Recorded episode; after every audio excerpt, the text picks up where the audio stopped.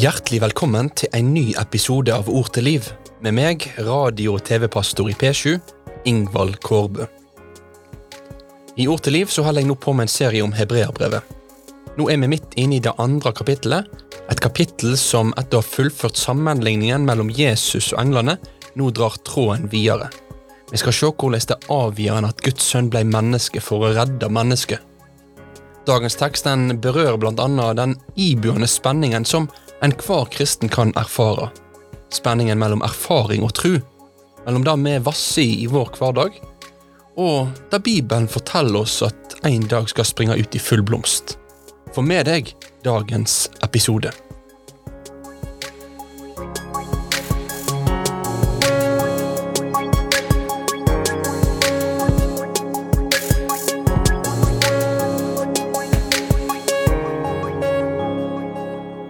I denne episoden av Ord til liv, der overskrifta er Hva ser du?, så vil jeg at vi skal begynne med å lese dagens tekst. Og Den er henta fra Hebreabrevet, kapittel 2, og det er vers 5 til 9 vi leser. For det er ikke under engler han har lagt den kommende verden som vi taler om. Dette er det ein som har vitne om en stad. Hva er et menneske at du hukser på det, ein menneskesønn, at du tek deg av han? Ei lita stund setter du han lågere enn englene. Så kroner du han med herligdom og ære. Alt la du under hans føtter. Da Gud la alt under han, vart ingenting unnateke. Alt skulle leggast under han. Ennå ser vi ikke at alt er lagt under han. Men Jesus, som for ei lita stund var sett lågere enn englene, han ser vi nå, krona med herligdom og ære, fordi han lei og døde. Slik skulle han ved Guds nåde smake døden for alle. Amen. Jesus er større, Jesus er bedre. Det har vært det fokuset som hebreabrevet til nå har malt for oss, hvordan han har et større navn enn englene, og hvordan de to ikke kan sammenlignes. Nå blir englene på nytt nevnt i starten av dagens tekst, men det har vært på mange måter bare ei bru på vei inn i det temaet som vi nå er på vei til. For nå er det et fokusskifte. Fokuset blir nå mer og mer retta mot menneskeslekta, og hvordan Guds sønn nå blir en del av menneskeslekta. Realiteten er jo den at Guds frelseshistorie, den har ikke englene si frelser som sitt siktemål. Har du tenkt på det? At det var ikke for å frelse englene Jesus kom? Nei, han kom til jord for å frelse menneskeslekta. Og dette menneskefokuset, det begynner nå med at hebreabrevet siterer fra Salme 8 i Det gamle testamentet. Denne salmen i sin gammeltestamentlige sammenheng, den maler skapelsen av mennesket for oss, og hvordan mennesket fra skapelsen av er gitt en spesiell posisjon og en spesiell oppgave overfor alt det andre som er skapt. Det er en salme som inviterer oss til å undre oss over det paradoksale, det paradoksale med at bitte små mennesker i det enorme universet like fullt er gitt en helt spesiell verdi, posisjon og rolle. Og nå blir denne teksten da tatt fram i hebreerbrevet. Men når du hørte at jeg las denne teksten ifra Salme 8, hvem tenker du at denne teksten nå sikter til i hebreabrevet? Når det sto Ei lita stund setter du han lågere enn englene, så kroner du han med herlighet og ære, alt la du under hans føtter, ja, hvem er det dette her gjelder for? Og når hebreabrevet sin forfatter deretter sier at ingenting ble unntatt da Gud la alt under han, men at vi ennå ikke ser at alt er lagt under han, ja, hvem er da denne han som teksten sikter til? Tenk litt på det før vi fortsetter dagens episode.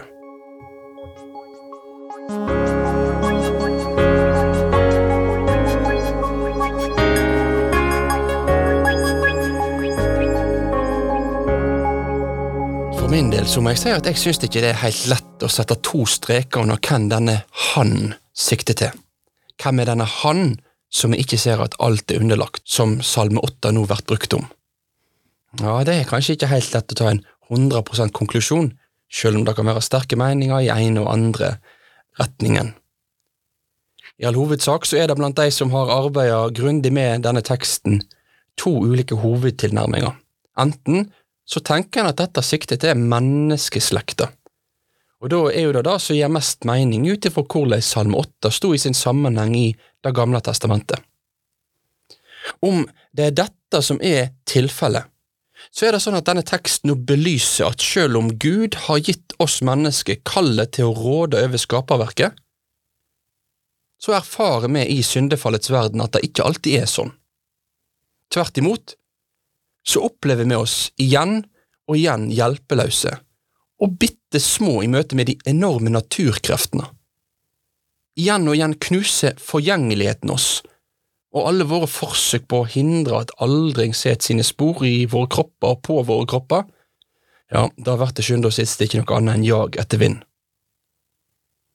Vi kan erfare oss hjelpeløse, angstfylte, sorgfulle, fordi vi kjenner at livet ikke er sånn som det burde være. Vi erfarer ikke at alt er lagt unna mennesket. Det er en lengt i å sette det fullkomne, men i møte med vår svært ufullkomne hverdag, ja, så kjenner vi, så kjenner vi at alt ikke er sånn som det skulle ha vært. Så kanskje dette han sikter til menneskeslekta?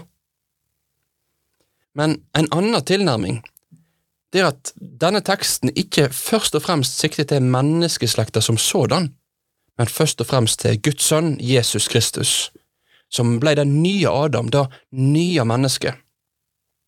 Og ja, dette kan nok òg gi mening ut ifra sammenhengen, for vi har jo allerede fått understreka Jesu fornedrelse og hans posisjon ved Faderens høyre hånd, og det kommer vi til å komme tilbake til etterpå òg. Og om det er sånn denne teksten har vært brukt, at den han er Jesus, ja, så er det jo sånn at da blir Salme 8 brukt typologisk, sånn som forfatteren Hebreabrevet gjør med ganske mange tekster. Det som er sant og kunne sies om mennesket i Salme 8, ja, det kan så mye klarere og tydeligere sies om Jesus, han som er det sanne og det fullkomne mennesket, som kom som den nye Adam for å redde oss i Adams slekt, vi som er bærere av syndefallets konsekvenser. Men selv om alt er underlagt Jesus, så ser vi ennå ikke at alt er underlagt Han.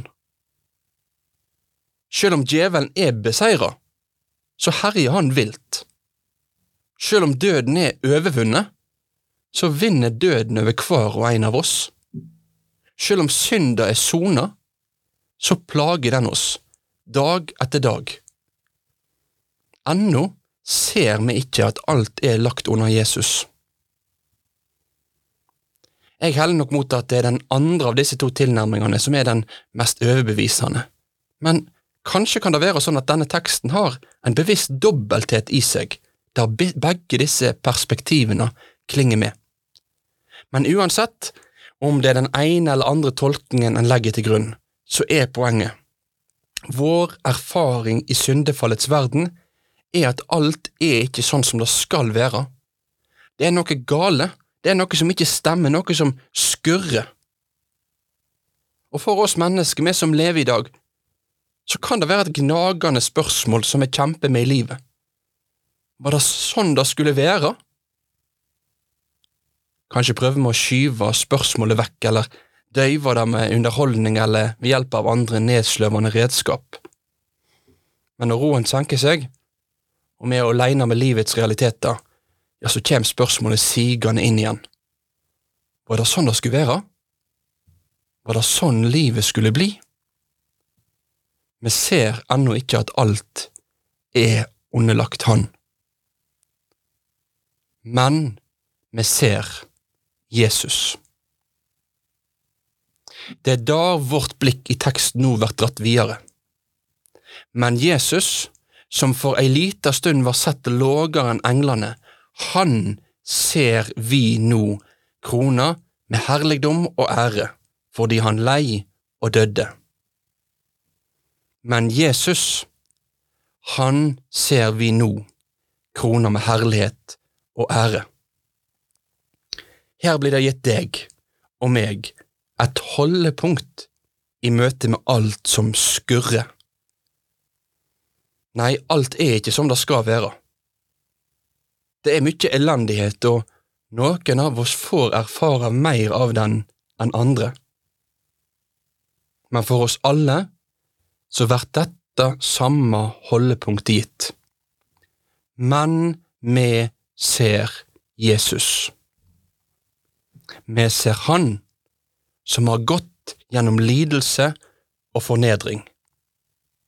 Og nå ser vi Han, kruna med herlighet og ære. Vi ser Han som regjerer midt i alt det uregjerlige. Vi ser Jesus i Hans herlighet. I vår lidelse og i møte med vår død, så er det vårt håp at vi ser i Bibelen Han som har gått denne veien før oss, sånn at Han, ved å dø vår død, òg kan gi oss del i sin herlighet. Det er mye som er galt. Det er mye som ikke er som det skulle være. Men vårt holdepunkt og vårt håp, det er at vi ser Jesus. Og hvorfor det er avgjørende? At Jesus er den han er. Det kommer vi til å komme tilbake til i neste episode av Ord til liv.